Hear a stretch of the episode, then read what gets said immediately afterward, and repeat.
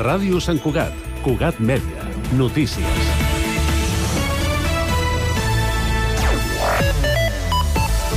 Bona tarda. Sant Cugat va ser el tercer municipi català amb la renda bruta mitjana declarada més elevada del 2021, amb 58.084 euros per persona.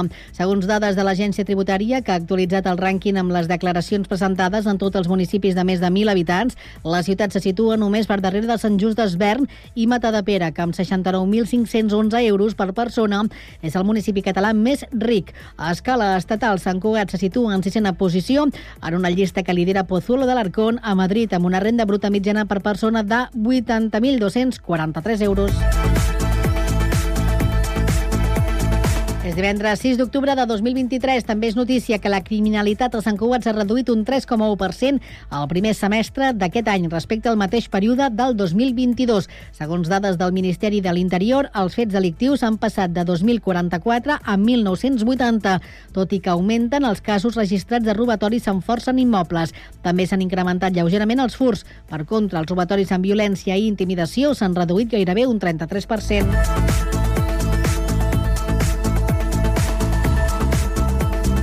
Comissió de Cultura del Consell de Barri de la Floresta s'ha mostrat atònita aquest dijous davant l'anunci de l'Ajuntament del suspendre l'obertura del pati del casino als caps de setmana. El motiu, explica la comissió, és la falta de diners per obrir l'espai a càrrec de personal municipal. La comissió, que integra entitats culturals florestanes, havia arribat a un acord amb el consistori pel qual els veïns obrien l'espai el dissabte i l'Ajuntament el diumenge. Una fórmula que ha topat amb l'actual situació econòmica municipal i la decisió de la regidoria de Cultura de tancar el pati fins l'aprovació del pressupost del gener. Festa major del barri del Monestir Sant Francesc dona el tret de sortida aquesta tarda i s'allargarà fins diumenge. Enguany el pregó de la festa grossa anirà a càrrec de l'associació Gilgal Solidari, que promou programes i serveis socioeducatius per prevenir i minvar el risc d'exclusió social de les persones vulnerables. La Gresca torna a tenir un marcat caràcter familiar, amb activitats per tots els públics que se celebraran als Jardins de Sant Francesc i a la plaça d'Encoll. I el Solideo Patiu Hockey Club Femení afronta dissabte a la una del migdia la tercera jornada de l'Hockey Lliga Iberdrola amb un duel ballesà contra el Cerdanyola Fenie Energia. Tots dos equips arriben en tres punts després de sumar una victòria i una derrota en les dues primeres jornades. Com dèiem, el partit comença a la una del migdia al PAP 2 de la Rambla del Celler i es podrà veure en directe per Esport 3. Res més per ara, la informació torna d'aquí una hora a la mateixa sintonia i constantment a internet a www.cugat.cat.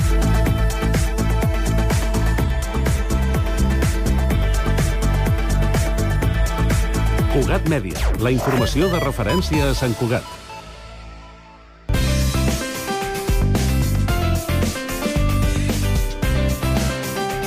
Ràdio Sant Cugat, Cugat Mèdia, 91.5 FM.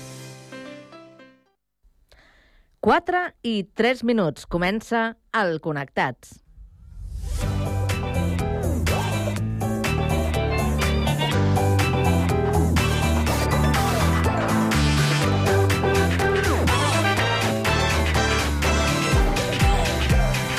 Connectats amb Carme Reversa.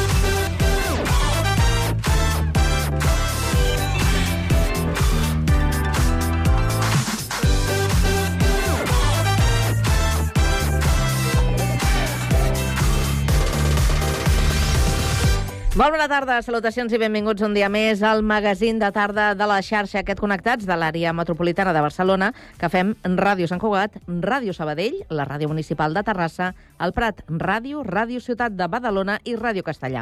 Una salutació de tot l'equip, conduït a la part tècnica per Pablo Palenzuela, Jessica Ríos a la producció i de qui us parla, Carme Reverte. Avui és divendres 6 d'octubre i volem saber quin temps ens espera aquesta tarda. Lluís Mi Pérez. Bon dia. Si fa una colla de jornades que no parlem de canvis de temps, tampoc en portem de cares a les properes hores i a tot el cap de setmana. Per tant, un ambient una mica enrarit perquè la contaminació i l'ambient tèrbol s'ha d'anar fent cada vegada més palès a les àrees industrials i més urbanes de Catalunya i, per tant, amb poca ventilació. El vent ha de bufar molt feble, tant aquesta tarda com al llarg del cap de setmana, amb alguns núvols baixos que no s'acabaran de desfer entre les comarques de Tarragona i Barcelona, sobretot a les serres, poc importants aquest aquests núvols i una temperatura que aquesta tarda tornarà a enfilar-se com els últims dies. Tornarem, de fet, a passar dels 30 graus a les comarques de Ponent. Cap de setmana amb matins emboirats a la Catalunya central, fins i tot també el diumenge especialment a la Costa Brava, i després tardes més assolellades i suaus, sobretot xafogoses i amb una temperatura, per tant, que no té ganes de fluixar. Ho seguirem a la xarxa. Doncs avui al Connectats parlarem de la creació de la primera càtedra sobre salut i canvi climàtic a càrrec de Mútua Terrassa i la Universitat de Barcelona. En parlarem amb David Dalmau, director de la càtedra, i acabarem aquesta primera hora amb la tertúlia generalista per parlar de la investidura de Pedro Sánchez i les negociacions per fer-ho possible, i també parlarem de la gent gran que tanca la seva setmana de celebració. A partir de les 5 coneixerem el Club Envol Sant Cugat, que celebra 50 anys. Sabrem què ha fet bullir les xarxes aquesta setmana. Ho farem amb Jessica Rius. Repassarem les estrenes cinematogràfiques de la setmana amb Jordi Guillem i marxarem de cap de setmana amb l'agenda del Connectats. Tot això i més des d'ara i fins a les 6 de la tarda a la vostra emissora local. Connectats? Comencem.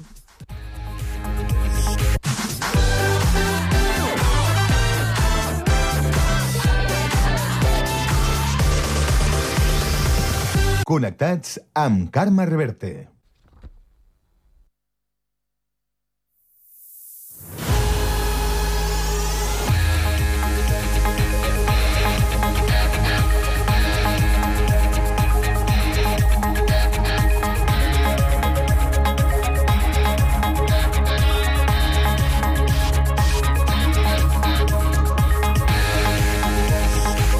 I quan passen 6 minuts de les 4 de la tarda ens actualitzem, repassem eh, la informació de la jornada amb aquesta ronda d'actualitat que obrim un dia més per Terrassa. Sergi Estapé, bona tarda.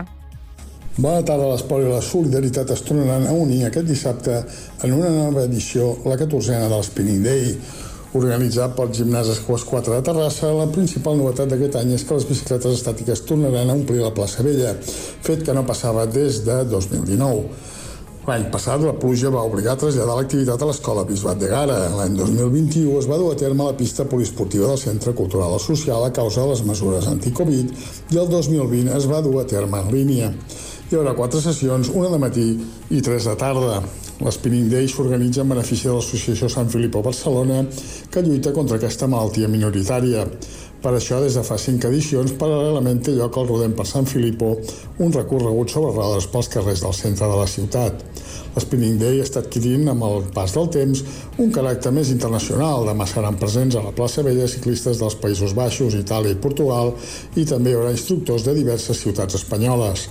Per inscriure's a l'Spinning Day cal fer-ho per internet abans de dissabte. S'espera uns 200 participants. Gràcies, Sergi. Ja continuem per la cocapital a Sabadell avui, que és notícia. Pau Duran, bona tarda. Bona tarda. La criminalitat a Sabadell ha baixat un 6% respecte a l'any passat. És un dels municipis amb un dels descensos més destacats de Catalunya i que contrasta plenament amb Barcelona, on ha pujat un 15%, o l'Hospitalet, que ho ha fet un 13,6%. Així ho afirma un informe del Ministeri d'Interior. A Sabadell els delictes més recurrents, tot i aquesta millora en la seguretat, són els delictes contra el patrimoni. Felip Garcia, inspector de la comissaria de Sabadell, assenyala perquè els menys greus són els més difícils d'evitar i perseguir tot el que afecta les persones i els delictes més dolorosos o que menys dany econòmic provoca a les persones se'n produeixen molt menys. El que són els furs, que serien els robatoris, a la qual una persona no se n'adona compte, no hi ha força sobre la persona i sobre el bé, doncs, mm, d'alguna manera, el dany és me menys greu, però diguéssim que són els més fàcils de produir. I al ser més fàcil de produir, que els més es donen, són els més més difícils de seguir, perquè els furs són el descuit, furs a les botigues, furs a tot arreu. Un altre tipus de delicte és el d'intimidació, com les agressions sexuals, i aquest, malauradament, té una preocupant tendència a l'alça. Gràcies, Pau. Anem fins al litoral a Badalona. Allà tenim Andrea Romera. Bona tarda. Bona tarda, Carme. El gerent de Marina Badalona, Manol Sanz, descarta la presència de locals d'oci nocturn al canal del Gorg. Assegura que volen un model de port familiar que doti de vida econòmica, social, esportiva i cultural a la zona. Entrevistat al programa Badalona 360, el gerent de Marina Badalona ha explicat que un cop acabin els treballs, l'objectiu és que el canal s'ompli d'embarcacions. Hi haurà aproximadament uns 200 amarradors i activitats de caiac i rem a peu de canal. La zona també s'omplirà d'establiments de restauració d'ocupació, comerços i serveis. Tot plegat per donar vida al port i a tota la Rambla del Gorg fins al Màgic. I Manol Sanz, però, ha afirmat que no hi haurà discoteques ni locals d'oci. Oci nocturn com discotecas, bar musical, això no, perquè nosaltres el model que tenim definit és un model de port familiar, és un model que a més ha de tenir una relació amb els veïns, ha de ser un lloc que tu puguis anar a sopar, que puguis anar a prendre una copa, però que al matí puguis també treballar. Nosaltres volem ser un port de 165 dies i això implica que aquests 365 dies ha d'estar de més 24 hores. Recordem que l'execució de les obres del viaducte ferroviari sobre el canal, que s'iniciaran a finals d'any i duraran uns 18 mesos, compten amb una inversió de 18,8 milions d'euros, aportats per Marina Badalona, l'Ajuntament i Adif. El Consell d'Administració de Marina Badalona va aprovar el 31 de març adjudicar les obres a la UTE Comsa Tragados. Gràcies, Andrea. Seguim ara al Prat de Llobregat. Lluís Rodríguez, bona tarda. Bona tarda. La Diputació de Barcelona crearà una nova oficina d'assessorament a ajuntaments que vulguin impulsar comunitats locals d'energia. L'ens provincial ja té almenys una vintena de municipis interessats i preveu que en el termini de dos anys puguin crear-se a la demarcació una cinquantena d'aquestes. La nova oficina es desplegarà dins el propi Departament d'Acció Climàtica de la Diputació i compta amb una inversió d'1,3 milions d'euros, dels quals mig milió són a través d'una subvenció del Ministeri de Transició Energètica. Escoltem Marc Serra, diputat d'Acció Climàtica i Transició Energètica. Bàsicament el que ve és a respondre a les necessitats que ens han expressat els diferents municipis al llarg dels darrers anys. Necessitats que tenen molt a veure amb la gestió, amb la seguretat jurídica, amb l'acompanyament legal, eh, també amb l'administració eh, i, per tant, l'oficina comptarà sobretot amb un equip humà, amb un equip doncs, de 5-6 persones, enginyers, eh, juristes, que podran fer aquest acompanyament al dia a dia la presentació de la nova oficina ha estat al Prat, on ja s'han fet les primeres passes per la creació de la comunitat d'energia local que es va constituir el passat mes de febrer i que s'ha de començar a desplegar en els propers mesos. L'espai triat no ha estat baladí, la Casa de l'Energia, on es fa assessorament a ciutadania i empreses sobre quines mesures es poden impulsar per ser més eficients en el consum energètic. Dues iniciatives, dels quals l'Ajuntament vol ser un exemple per altres municipis. Gràcies, Lluís. Seguim aquest repàs ara des, del, des de Castellà del Vallès. Rocío Gómez, bona tarda. Bona tarda. Cap de setmana farcit d'activitats a Castellà del Vallès. Per començar, aquest dissabte torna una nova edició del Correllengua que organitza la CAL. A partir de les 5 i fins a les 9 del vespre, la Sala Blava de l'Espai Tolrà acollirà una trobada d'entitats com els Gegants, els Atabalats, Suport Castellà, la Coral Xiribec i l'Orquestra Firiluche. I l'endemà diumenge, l'Auditori Municipal Miquel Pont acollirà l'espectacle infantil de teatre italiano Gran Hotel a partir de les 12, una creació de Jordi Magaleno. Gràcies, Rocío. I acabem el repàs amb la crònica de Sant Cugat. Jessica Rius, bona tarda. Bona tarda. La Comissió de Cultura del Consell de Barri de la Floresta s'ha mostrat atònita aquest dijous davant l'anunci de l'Ajuntament de suspendre l'obertura del pati del casino als caps de setmana. El motiu, explica la comissió, és la falta de diners per obrir l'espai a càrrec de personal municipal. La comissió que integra entitats culturals florestanes havia arribat a un acord amb el consistori pel qual els veïns obrien a l'espai el dissabte i l'Ajuntament el diumenge. Una fórmula que ha topat amb l'actual situació econòmica municipal i la decisió de la regidoria de Cultura de tancar el pati fins l'aprovació del pressupost a del gener. Carola Alegre és membre de la comissió. Pues anàvem avançant, perquè creiem que anàvem a, mica en mica podríem anar a caminar, no? vers una cosa que havia de ser molt, molt maca pel barri, però el primer pas que fem de, de llarg camí que ens queda ja ens l'han tallat, perquè ja com han dit, el que volíem era aconseguir l'autogestió del casino. No els caps de setmana, les tardes, eh, no només el pati, l'edifici sencer, vull tot. Mira, primer pas, vinga, ja s'ha acabat.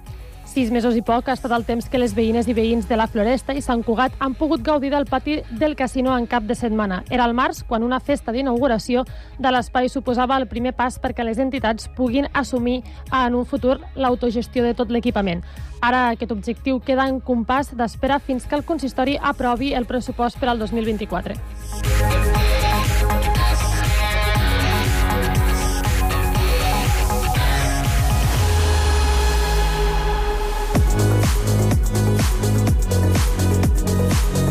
Cada tarda, de 4 a 6, Connectats. Una experiència radiofònica a Sabadell, Terrassa, Sant Cugat, Castellà, El Prat i Badalona.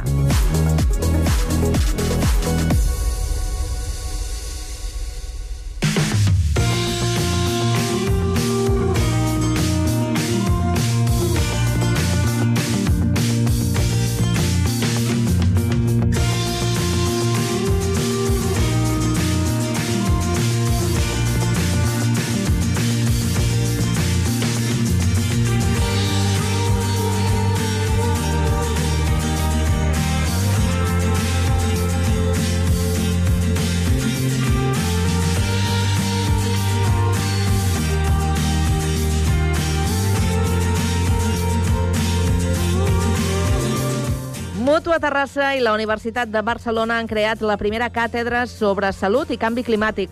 Per saber com anirà tot plegat, avui parlem amb el doctor David Dalmau, director de la càtedra. Doctor, bona tarda. Hola, bona tarda. I també saludem el company Sergi Estapé. Sergi, bona tarda.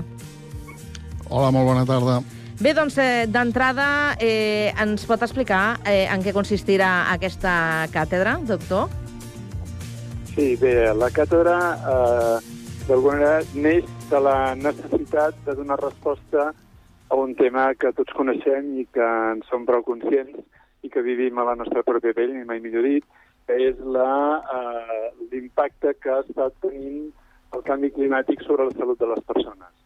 Des de fa ja molt de temps, a la nostra institució a Muta Terrassa es porta a terme una iniciativa, un macroprojecte anomenat Compromís Verd, liderat pel senyor Josep Rull, en el que s'intenta abordar aspectes com poden ser la reducció de la petjada de carboni per part de la institució sanitària. La segona és eh, intentar potenciar la mobilitat sostenible i, en tercer lloc, l'economia circular, és a dir, recuperar material en lloc de llançar-lo.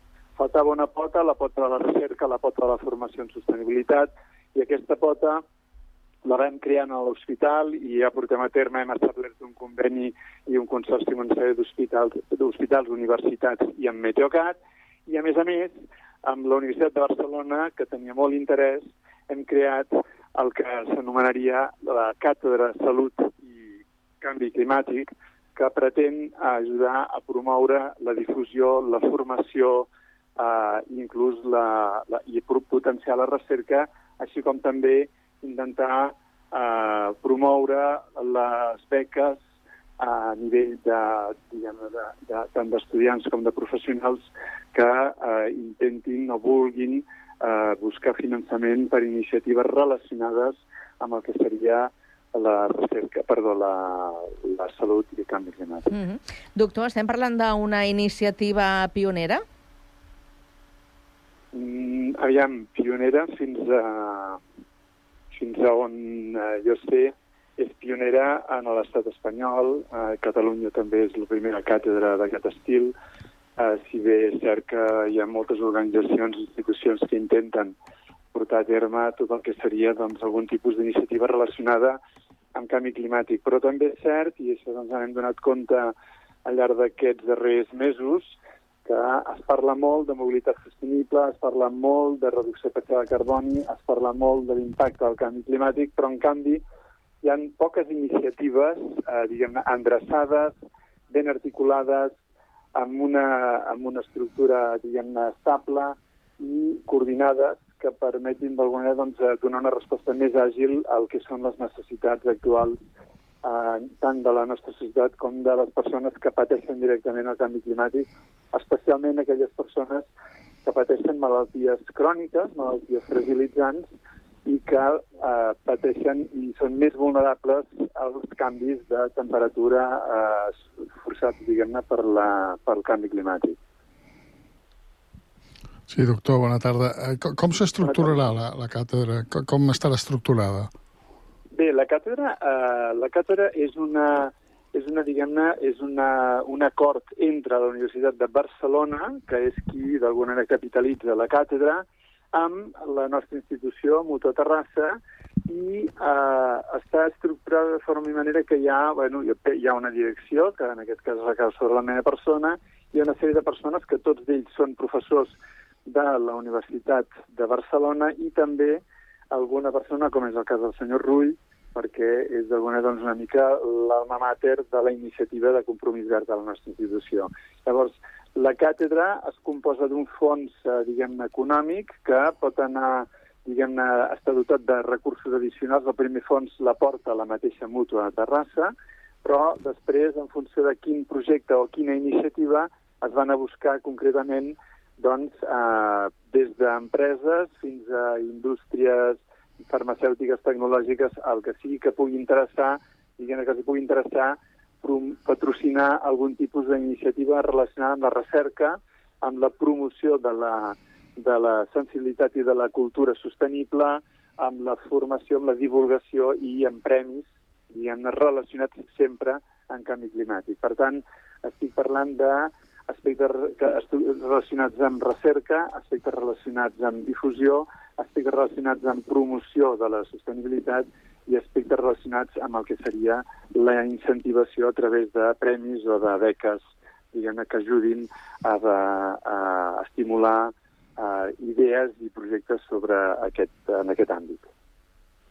Sí, pel que em diu, eh, perquè almenys ho he entès així, els, no només hi haurà professionals del món sanitari, sinó també de- d'altres àmbits o, o, o no? Sí, poden haver-hi, és a dir, per exemple, uh, perquè ens entenguem, a la Universitat de Barcelona nosaltres, és una, nosaltres som hospital universitari de la, de la Universitat de Barcelona sí. i uh, el fet de tenir una càtedra d'aquestes característiques i de, nosaltres estar liderant aquesta iniciativa ens permet al mateix temps doncs, poder establir contactes i convenis i col·laboracions amb grups dins de la Universitat de Barcelona que no són necessàriament eh, de l'àmbit mèdic. Per exemple, enginyeria, eh, meteorologia, altres. Per exemple, doncs, hi ha uh -huh. grups de recerca molt potents en l'àmbit doncs, de l'aigua, de l'aire, i per tant, contaminació ambiental, eh, contaminació de l'aigua, que poden ajudar a tirar endavant projectes que només nosaltres mai de la vida seríem capaços de poder desenvolupar. Uh -huh. I per l'altra banda, el, el, el, en el mateix, eh, una mica una pregunta semblant, qui, qui pot estar interessat en, en, en, aquesta, en, bueno, en accedir a aquesta docència? També pot ser personal que no... Bueno, gent, estudiants que no siguin eh, o gent, persones que no, no estudiïn medicina, po- poden ser altres d'altres camps o no? Sí, de, de poder ser, poden ser de qualsevol camp. Una altra cosa és que, com que és Universitat de Barcelona, nosaltres ens devem inicialment al que són els estudiants de la Universitat de Barcelona, però en cap cas són és excloent. De fet, eh, el- nosaltres hem establert un consorci amb la Universitat eh, Politècnica de Catalunya i amb la Universitat Rovira i Virgili precisament per desenvolupar un gran projecte de recerca en el que eh, necessitarem el concurs de la intel·ligència artificial, de l'agregació de dades i també d'anàlisi que s'anomena en termes tècnics metabolòmica. Tot això ho fem amb aquestes universitats que, al mateix temps, també poden formar part d'aquesta càtedra i iniciatives comunes amb la Universitat de Barcelona. És a dir, que la Universitat de Barcelona en cap cas eh, diguem-ne, ex exclou a qualsevol altre àmbit que no sigui de la seva, de, diguem-ne, de la seva universitat. De la mateixa manera que nosaltres, si hi ha projectes que se'ns proposen que tenen relació en l'àmbit de la enginyeria, però relacionats amb el canvi climàtic i que poden tenir algun tipus d'impacte, com segur que pot ser doncs, en, en, en la salut, lògicament seran benvinguts. I parlava vostè abans d'aquestes beques, premis, ajudes... Això, tot això està encara amb, amb diríem, està a les beceroles o ja, ja, ja està tot molt establert? No, és a dir, nosaltres penseu que fa dues setmanes que hem signat aquesta, aquest conveni, diguem, uh Mhm. -huh. la, la càtedra. Sí que és cert que ja hem començat a caminar, de fet estem fent, eh, avançant amb un projecte de recerca precisament per analitzar l'impacte del canvi climàtic sobre la nostra àrea d'influència de Mutua Terrassa i eh, condicions socioeconòmiques de les persones que la pateixen, i eh, també, per exemple, doncs, estem desenvolupant una eina tecnològica que permetrà d'alguna manera doncs, fomentar la cultura sostenible no només als estudiants i als professionals sanitaris, sinó també a tota la població, eh, diguem-ne, en general.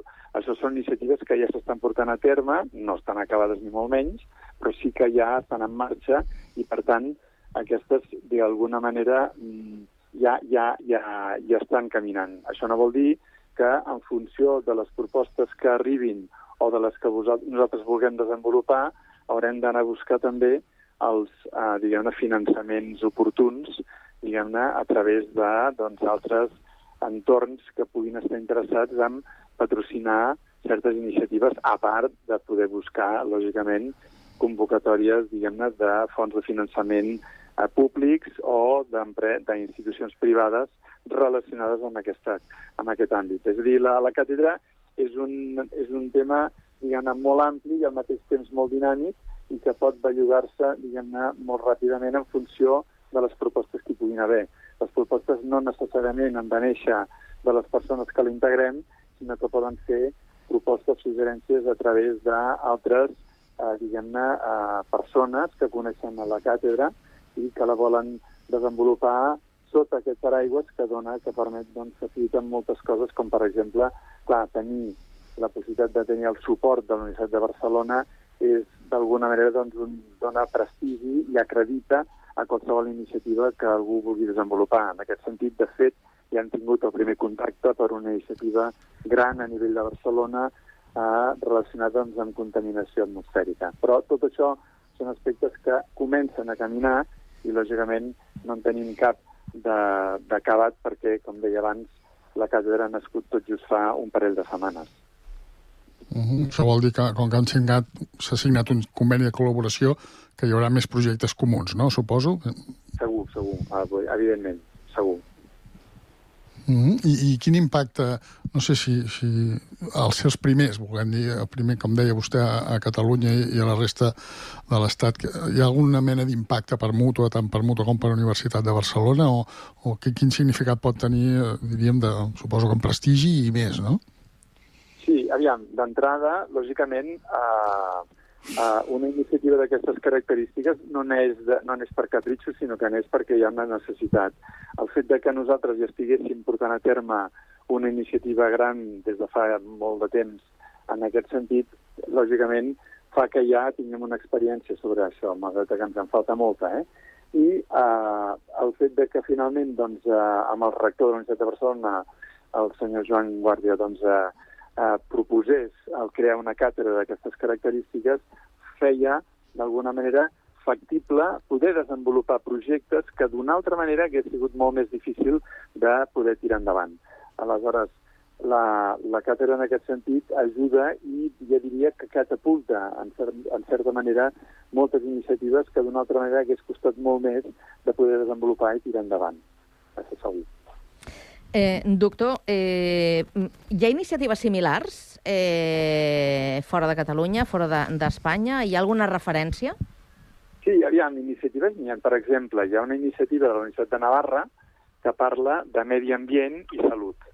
Aleshores, eh, el que passa que aquesta, per exemple, és una iniciativa que ha nascut ara fa poquet, que la promou per això una empresa privada, que és Sanitas. Aleshores, eh, no sé exactament què és el que perseguiran, Uh, després hi ha iniciatives més a nivell, diguem-ne, uh, públiques. Per exemple, uh, nosaltres vàrem assistir fa un parell de setmanes a una reunió del Ministeri de Sanitat, de la Direcció General de Salut Pública, que uh, volia posar en marxa, a través de la presidència de la Comissió Europea per part del govern espanyol, doncs, d'una iniciativa uh, arreglada, estructurada, per tirar endavant eh, diguem-ne, activitats i eh, iniciatives relacionades amb el canvi climàtic i la salut. I sobretot volia implicar i involucrar a l'entorn sanitari, per tant, hospitals, eh, centres d'excel·lència primària, etc.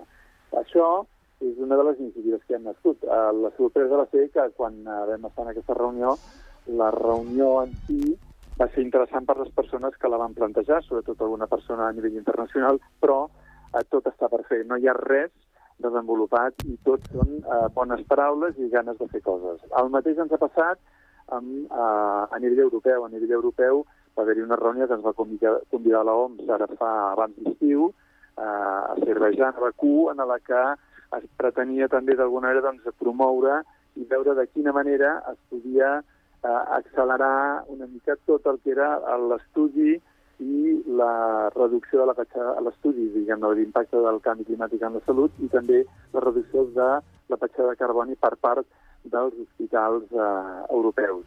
Això, eh, diguem hi ha, hi ha una voluntat, hi ha una preocupació, hi ha una sensibilitat, però la veritat és que ens hem quedat sorpresos perquè una cosa tan evident que semblaria que hi hauria d'haver molta gent que hi estigués al darrere, ens hem quedat molt sorpresos de veure que realment no hi ha gaires centres ni gaires grups que estiguin desenvolupant d'una forma certa, estructurada i ben ordenada eh, estudis o iniciatives en aquest, en aquest àmbit. Per tant, mm. jo diria que hi ha molt per fer i eh, molt recorregut, per tant, tot tenim cabuda amb una iniciativa que preocupa i molt i que probablement serà el, la font de mal de caps més important en el nostre planeta en els propers, eh, a les properes dècades. Mm -hmm.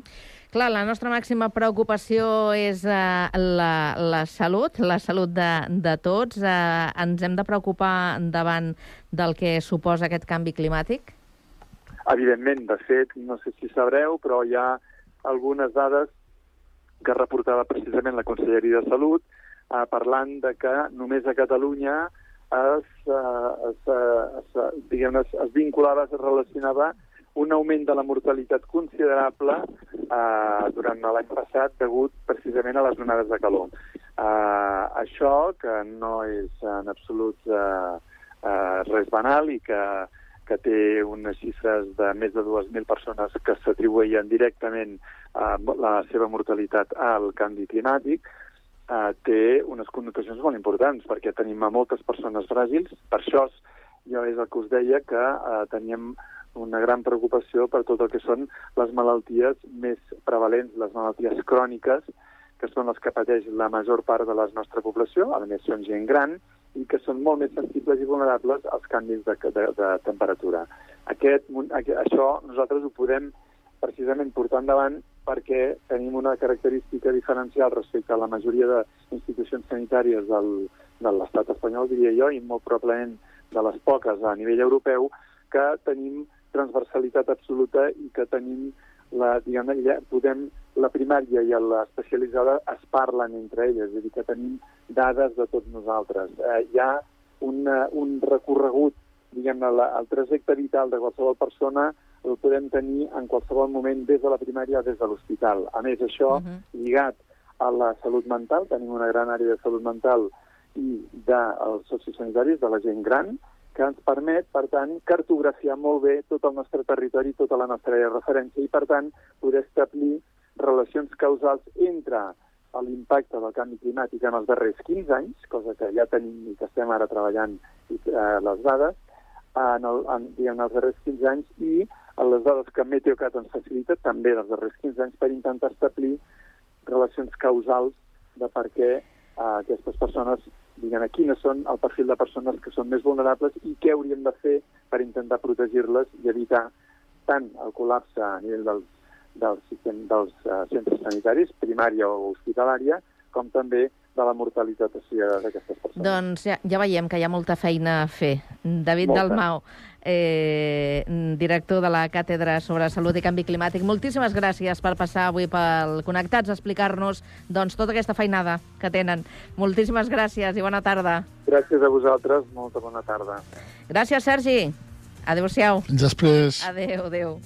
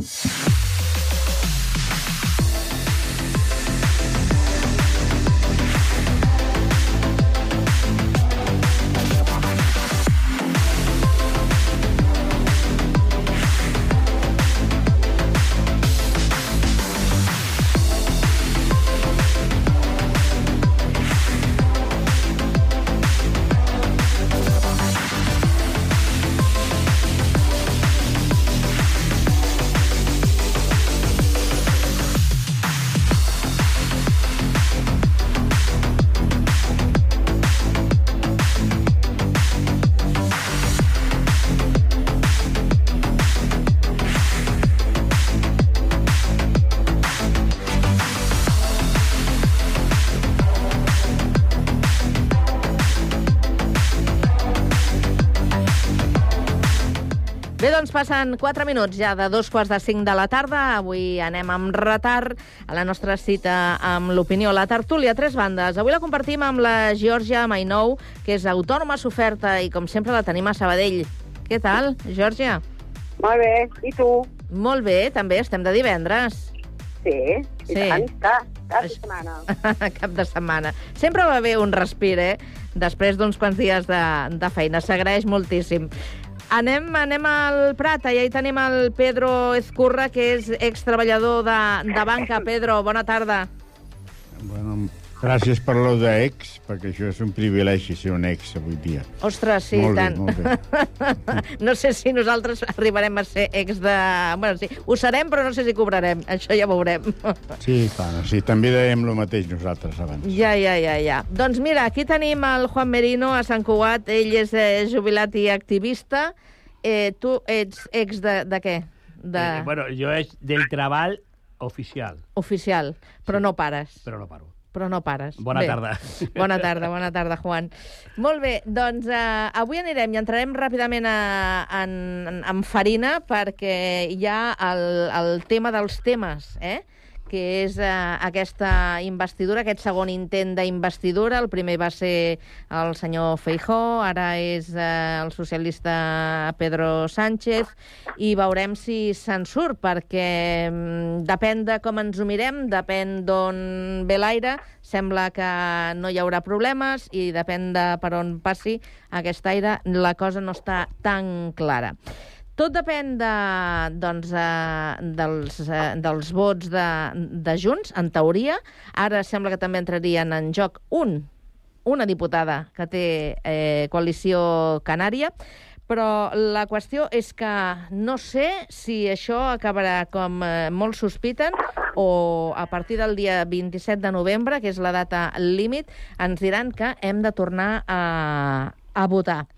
Eh, com veieu vosaltres tot aquest eh, procés que s'està portant de negociacions, d'aparicions d'uns i altres, de convenciment sobre un possible eh, acord entre, entre les parts perquè finalment hi hagi una investidura abans que no arribi el 27 de, de novembre.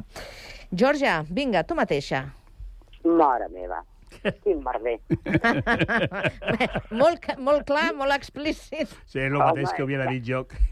Home, home, és que aviam, aviam. És que de veritat, eh? Si, si és que és igual.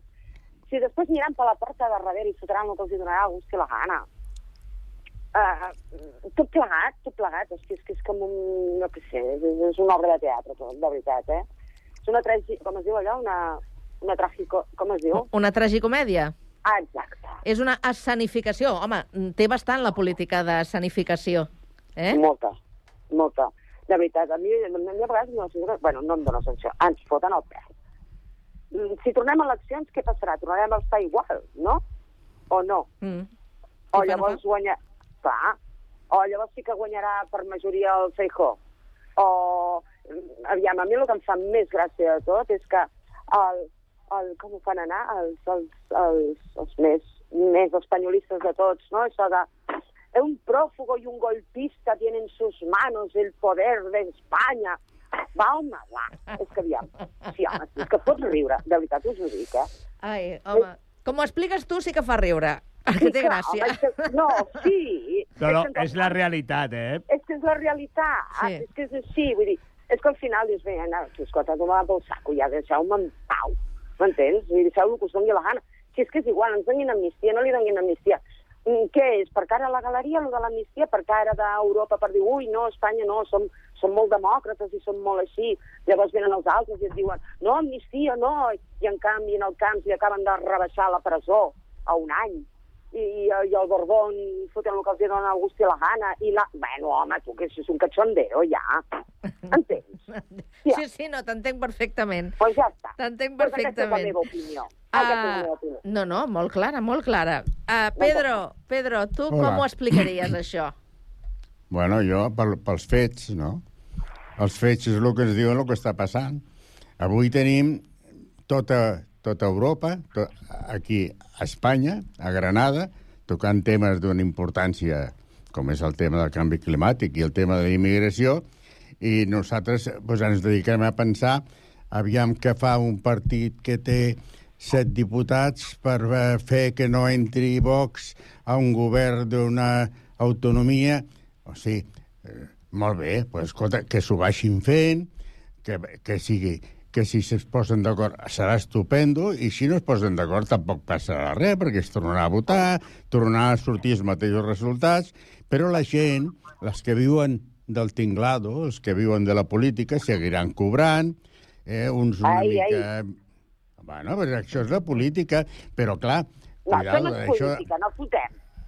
El- Això és la política. I la política fa que molta gent visqui d'un salari perpetu públic, que són els càrrecs i tot, i després hi ha la gent normal que es té que guanyar la vida i que, i que realment està amenaçada pel canvi climàtic, per les malalties, per, per, per la falta de feina als joves, i aquests temes no en parlem, i estem pendents d'un partit que, eh, antic que es deia Convergència, en el que jo, ara que recordo, eren uns senyors que era, ara poso quatre noms, que era el Prenafeta, era l'Alavedra, era el Millet, era el Pujol, i ara aquests, els seus fills o els seus nets, pues diuen que han de salvar Catalunya. No, home, no, per favor, si Catalunya està salvada, si Catalunya no es trencarà i Espanya no es trencarà. L'únic que han de fer és que no hi ha puestos per tots els polítics i es tenen que barallar perquè, clar, si entres tu, salgo jo.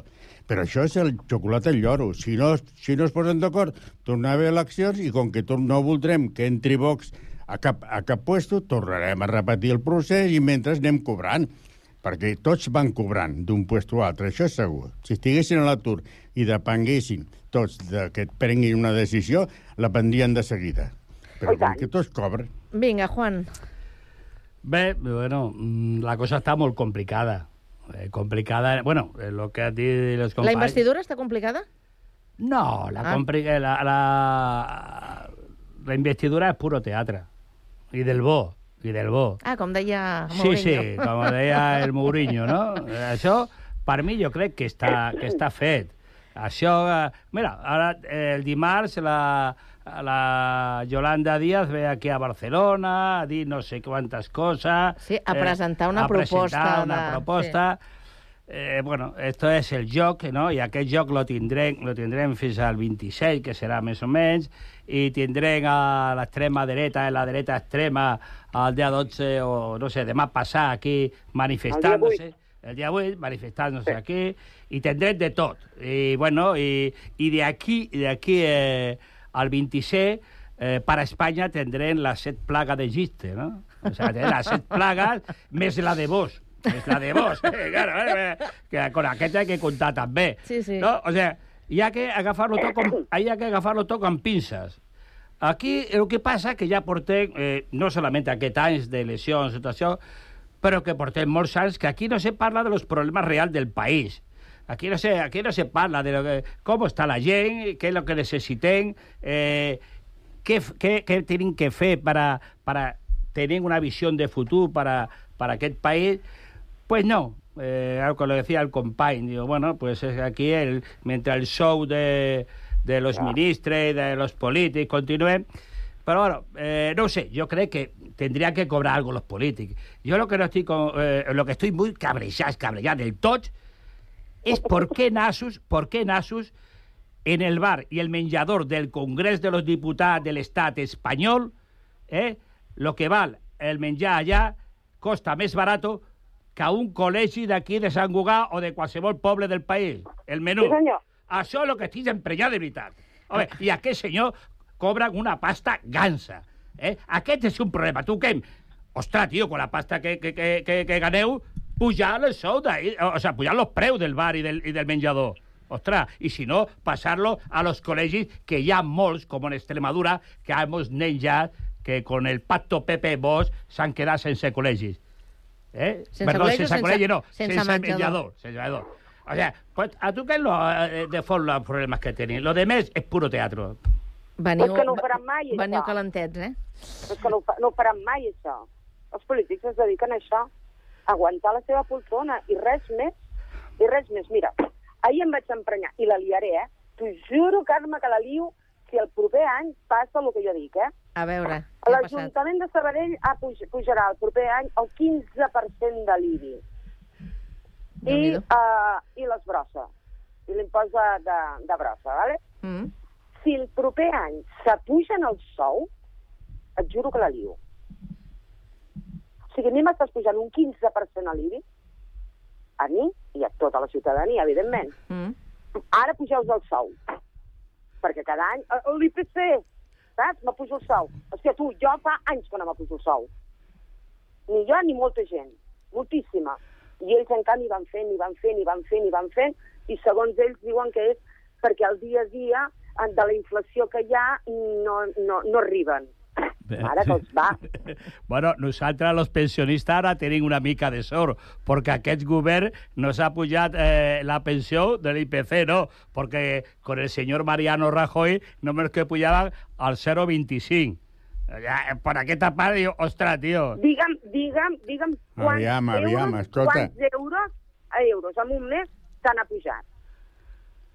Un, Però escolteu-me, escoltem, escoltem una cosa, per favor. Ja, ja, ja. Pedro, vinga. No, Per un cafè. No, no, no, això... Home, jo no sé si al Congrés de Diputats cobren uns 50 o 2 euros. Pa, també m'ag- m'agradaria que em diguéssiu si el Congrés del par, si el bar del Parlament de Catalunya cobren és més car o més barat que el Parlament de Madrid. Això no són indicadors, sinó que el tema que teníem previst parlar era de la bellesa, no? I, per exemple, aquí sembla Ah, ser però, que són... no hem arribat encara, eh? No Però si voleu ja arribat, podem no, Però si és començar. per- No, Però és que jo, jo, jo, jo he intentat, jo he intentat, jo he intentat tocar els dos temes que avui són greus i que precisament coincideix que totes les autoritats polítiques de, de l'Europa estan tractant, que és el tema del canvi climàtic i el tema de la immigració. Però, Pedro, Ah, escolta'm una cosa. Aquests dos temes, que evidentment tens tota la raó del món, que són dos temes eh, primordials, que són prioritaris, que comencen a ser urgents, digue'm tu quants anys fa que s'estan tractant Però- i no hi ha però manera perdona'm, que, que és que no solucionen, no acaben de solucionar res. Però- Prenen decisions amb el tema del canvi climàtic i després els passen pel forro. Però deixa'm, Però, cony, deixa'm però continuar. escolteu una cosa, si quan fan les, les reunions aquestes del canvi climàtic, aquests desgraciats venen amb el seu jet privat, Però- què cony m'esteu explicant? Vinga, Pedro, va, acaba, Pedro. Deixa'm Acaba. continuar, Vinga, deixa'm Pedro. continuar. Ah, Si ara no es posen d'acord, avui, aquesta tarda, és perquè ha nascut un altre nacionalisme, populisme, que és el de, el de l'extrema dreta, el trumpisme a Europa, el- a l'urban... els- Tota aquesta gent està posant peus pals a la roda perquè no es puguin aprovar aquestes coses. Doncs pues bé, com que el tema era tractar-ho aquí a Catalunya, eh, si aquí no volem que entrin aquesta gent que són els de Vox, que són, abans eren el 10 a Europa i ara quasi són el 20%, digui el nom que digui, doncs no hi ha més remei que, que fer un govern d'esquerres i ràpid, perquè si no també tindrem el problema a Catalunya de que Vox posarà pals a la roda. Afortunadament encara no ho pot fer-ho, però el món està funcionant així i Europa, avui, a Espanya, anirien més ràpid, ja estaria aprovat moltes coses si no hi haguessin aquests moviments. I tot l'altre, els polítics, els salaris, que si el Puigdemont, tot això és el xocolata al lloro, això. Davant dels problemes principals hem de tenir una mica de criteri. Ah, Hem, per parar l'extrema dreta, que és el populisme aquest nacionalista, que en el fons són populismes nacionalistes, el que hem de fer és ah, ràpidament muntar un govern i després apretar el govern de la forma que sigui perquè vagi complint el que prometi. Vinga, anem- aquesta és la solució. Anem a altres temes que també interessen. Els que tu apuntaves abans. Eh, Pedro, la bellesa, mm. amb B, amb B de Barcelona. És a dir, a l'edat que vosaltres eh, podríem dir que ja hi sou, perquè ja heu acabat la vostra, eh, diríem, eh, la, la La vida laboral, la vida activa, però que ara esteu doncs, eh, en una altra etapa i que els de més estem ja en procés de- d'anar arribant, d'anar arribant. Eh, com, com, com, com està la gent gran? Com està la gent gran de, del nostre país? Eh, jo imagino que ja tenen moltes preocupacions en aquesta part de la vida que haurien d'estar despreocupats. Pues jo crec que massa preocupacions, per totes. Vinga, totes, fes- la fes una llista. Eh, bueno, tal, tal, i com, tal i com està ara mateix la vida, o sigui, con les pensions que tenim no arribem massa, no arribem, és que no arribem mai. Eh, luego després no tenim, per exemple, residències, eh, no tenim, per exemple, aquí a Sant Cugat, no tenim els problemes que tenim eh, nosaltres eh, fent un pla estratègic per a la gent gran, no n'hi ha. O sigui, la gent gran ara mateix està apartada. Només a tots aquests anys només que s'han dedicat a lo que és la joventut la joventut, l'esport i, i, i els infants. O sigui, Bueno, la joventut i també estaria una miqueta descuidada segons en quins han, àmbits. han començat a baixar, però fins ara, ara mateix, nosaltres, la, o sea, tenim una quantitat de problemes enormes, enormes, eh, que s'està... L'habitatge? D'habitatge... O sigui, Per exemple? per, per exemple, no? perquè hi ha molta, bueno, aquí hi ha molta gent que està sola vivint a casa, no hi ha cobertura per a tratar-les, eh, los, los serveis socials no arriben a tothom, tot, tot té que ser eh, a part com companyia privada o co- subcontratada o concertada, eh, que això no arriba a ningú lloc. O sea, tenim una manca de tot. I luego després, eh, luego després eh, a l'assumpte de la societat. La societat encara nos mira com... Bueno, són majors, nos trata això que dava edadismo, no sé què, o sea, que nos tratan d'una manera que, bueno, que nosaltres no, no, no servim pràcticament per res. I a nosaltres eh, servim per molt, per moltes coses. Mm. Ara, en el Dia Internacional, que ha sigut el dia 1 d'octubre, Sí. aquí s'ha fet, eh, i com en tot això, s'ha fet un manifest per a, de, de la gent gran i se parlava de totes aquestes coses. Les necessitats que tenim tots d'estar... I no hi ha forma, no hi ha forma. Des de l'Ajuntament fins a dalt, no. Eh, I no se solucionen els problemes en ningú lloc. Eh? Vinga, Pedro, fem una Home, llista. Quan, quan fem, parlem de gent gran, ens hauríem de posar d'acord, perquè jo vaig néixer el 35. No dic la meva edat perquè la gent que sàpiga matemàtica les calcula, no? No és el mateix un senyor, un senyor amb 65 que un senyor amb 88, com tinc jo, no? Per tant, cuidado. Ja, me Catalunya, porta- me porta Catalunya, 11 Catalunya, comparat amb la resta de l'Estat i amb la resta del món, és un paradís per la gent gran. L'únic que hem de fer a la gent gran, primer, exigir als governs blindatge de les pensions, que estiguin blindades, perquè, perquè és la necessitat que té perquè no vingui un govern i el mateix que, que fent lo del 0,25, doncs demà diguin que cobrem massa. La sanitat, la gent gran està molt ben tractada. Tinc amics de la meva edat que, que s'estan canviant per la, per, la, per la pública els xunolls, les caderes. O sigui, no, ens hem de comparar amb la resta del món i aquest, el problema de Catalunya i dels vells és la solitud. Són els problemes mentals no és un problema de vivenda, perquè són milers de vells que viuen sols i aquest és el problema, la solitud, perquè ja funcionen els serveis públics.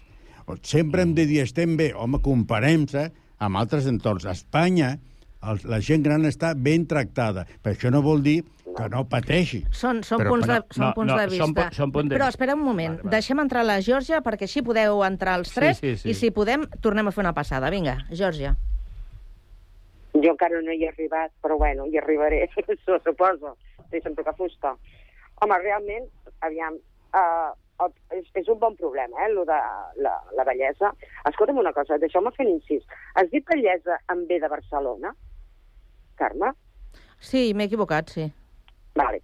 Jo, jo, pensa, jo pensava que parlaves Gràcies. de mi, el dir bellesa, i Sí, dic, sí, mira, sí, ja m'ha sí, vist la sí. foto a mi. Mira, Sí, us sí, acaben de dir gràcies. guapos de tot. Mira, Clar. i per què no? I per què no? Clar, No, no, però tens tota la raó del món, gràcies. De res. No, no, per Ah, la correcció. cosa. Has estat al cas, Ah, veig que... sí, jo vinga. sí, està pel cas, ja sí. Uh, a Espanya, en si, uh, no hi ha natalitat. Cada vegada és més baixa. Som un, és un país, és un país uh, vell, i en canvi no se'n cuiden. Cada vegada hi ha més gent més gran. Sí. Cada vegada més. No, no, hi, ha, jo- no hi ha gent jove, no hi ha, no hi ha, no hi ha naixements, n'hi ha molt pocs. Llavors, mm, és com una cosa de... Bueno, saps? Bueno, ja, ja, ja anirem fent, mm, com el que deia el, el, el meu company, no? Amb les pensions. Ah, igual ve un i diu, pues el mateix, no? Ah, pues no, heu, esteu cobrant massa. O si no s'ho patejaran, com va fer el PP, que es va patejar tota la guardiola de les pensions. És igual, llavors tots, ah, anem a retallar de la sanitat, anem a retallar de cultura, anem a retallar d'educació i el país se n'ha anat a la merda, parlant clar i català, saps? Um, no ho sé, no sé què dir-te amb, amb aquest tema. Amb. Jo, per exemple, que tracto amb molta gent, sobretot al matí, que em venen a buscar carmelos d'eucalipto, perquè tots tenen tos i tal. sí. sí. Uh, pobrets, molts m'expliquen, i us ho dic en sèrio, us ho juro pel, pel meu fill, eh? molts m'expliquen els sols que se senten. Sí, és un gran problema, el de la solitud. I és un gran problema, és un gran problema. Jo, jo he arribat a plorar eh, amb alguna iaia o amb algun avi, que venen sols, pobrets, i nena, um, uh, per exemple, les targetes de crèdit. Uh, on te l'haig de posar? És que no em funciona, és que ara no sé on t'haig de... I és que tot m'ho fan fer per internet i jo no tinc ningú que m'ho faci. Uh, pagar impostos, faci per internet. uh, nano, volen fer, demani cita, faci-ho per internet. O sigui, per què no ho veuen, que hi ha gent que està sola, que té mm, més de 80 anys i que no té a ningú que ho sap, i ells mateixos que no ho saben fer-ho. Fa molta pena, eh? Us ho dic en sèrio. I no se n'ocupen. Que no s'hi fot. O sigui, que tu veus aquesta... La teva bellesa en B baixa la veus eh, negra, la veus una mica... Bueno, clar, perquè jo igual ni cobro ni pensió, que això és Ah. l'altra, saps? Ja. Ja, ja. Però sí, sí, és, és, jo veig, és que ho veig tot negre, Carme. Ara, us dic una cosa, que jo quan parlava de l'habitatge és perquè també hi ha molta gent gran que precisament perquè està sola, per no estar sola i perquè no li arriba la pensió de compartir un pis eh, amb altres persones. Amb gent, o amb gent jove. Em sembla També. que hi havia una associació que, que, que feia, Sí. sí. bueno, llogaven Va. habitacions de gent, a gent jove Sí, i feien companyia als avis. Ho trobo fantàstic. Bueno, jo No. no... Allà, els avis el que faran serà transmetre mm, sabidoria, experiència. Sí. El que passa que hi ha molta gent que no se'ls escolta, sobretot la, la, els més joves, tu què sabràs? Els hi costa. Vinga, Bé, jo, jo no estic, jo no estic d'acord con el company que la gent, la gent gran d'aquí de Catalunya està, bueno, pues sembla que està una meravella. Pues no, no està una meravella. No, no és així. Mire, eh, no ho sé para, eh, con los concerts que fa la Generalitat, que ja fa molts anys, tant en sanitat com en lo que és la, les residències, per entrar en una residència fa ja 11 anys, com mínim 12 anys, que no se fa una residència pública eh, a Catalunya tot van a la concertada, que dient que també que són públiques, sí, però resulta que a, a esas eh, concertades eh, hi ha un grapat, un percentatge molt important d'obrers que no arriben, que no arriben para pagar lo que le posa la concertada. Dos, no I té... quan t'arriba l'ajuda de la Generalitat, Va, igual aquella persona ja està mort. Va, exacte, no, es otra. cuando, cuando tens una, una, una cadira, qualsevol cosa, i no arriba. I bueno, és que és, és, és molt impressionant. I si parlem de la sanitat, ostres... No, no, que... no comencem, no, no obrim Eh, aquest és meló que- perquè si no no acabarem. No, no, No acabarem, bueno, no dir- acabarem, dir- no acabarem. Escolteu, relaxeu-vos que Mira, arriba, arriba el cap de lo, setmana. Lo més important, sí. Arriba el cap de setmana, Mira, relaxeu-vos. mira, Va, ara- Marxem? Sí, marxem ara mateix. I som tots dits. Acabo la tertúlia i me voy a cantar con tota la gent gran de Sant Cugat, perquè és la setmana de la gent gran, a la plaça del Monestir, el mariachi. Vinga, Juan, Pedro, Georgia, que vagi molt bé, bona tarda. Igualment. Música A Sant Cugat, Braseria La Bolera, el restaurant braseria situat al vell mig de la ciutat. Més de 20 anys oferint la més alta qualitat en tots els seus productes, en amanides, carns, verdures, Braseria La Bolera, amplis menjadors per a celebracions familiars, batejos, comunions, casaments, Braseria La Bolera. Els que ja la coneixen sempre hi tornen. Baixada de l'Alba 20, al costat del monestir. Telèfon 93 674 1675.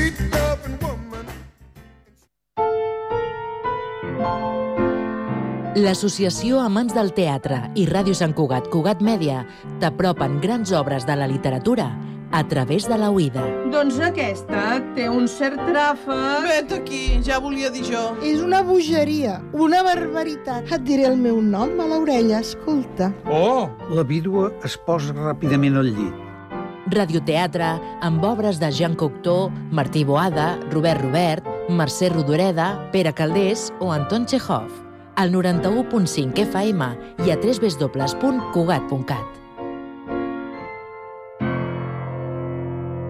Cada mes, els alumnes dels instituts Leonardo da Vinci, el Centre de Formació d'Adults i el Col·legi Pureza de Maria expliquen l'actualitat dels seus centres a Ràdio Sant Cugat. Els alumnes de primer d'ESO van fer una excursió el 18 d'octubre a un jaciment arqueològic. Doncs jo vull parlar sobre la inauguració del Punt Lila i el Punt Rainbow. També ens fan recomanacions. I el que m'agrada molt d'aquest llibre és que eh, a les pàgines es poden veure els correus. Ens diuen què els agrada. A mi m'agrada el Nadal amb fred. Parlaré del que m'agrada que va sobre el meu esplai. I ens posen al dia amb la música que escolten. Jo he escollit eh, La gent d'estimo, que és d'Oques Grasses. Quan somrius de Joan Dausà. No dudaria, Rosario. Els instituts santcugatencs a Cugat Mèdia.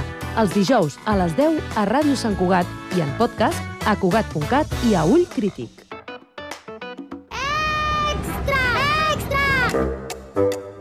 L'Illa obre els diumenges de 12 del migdia a 8 del vespre. És el pla perfecte.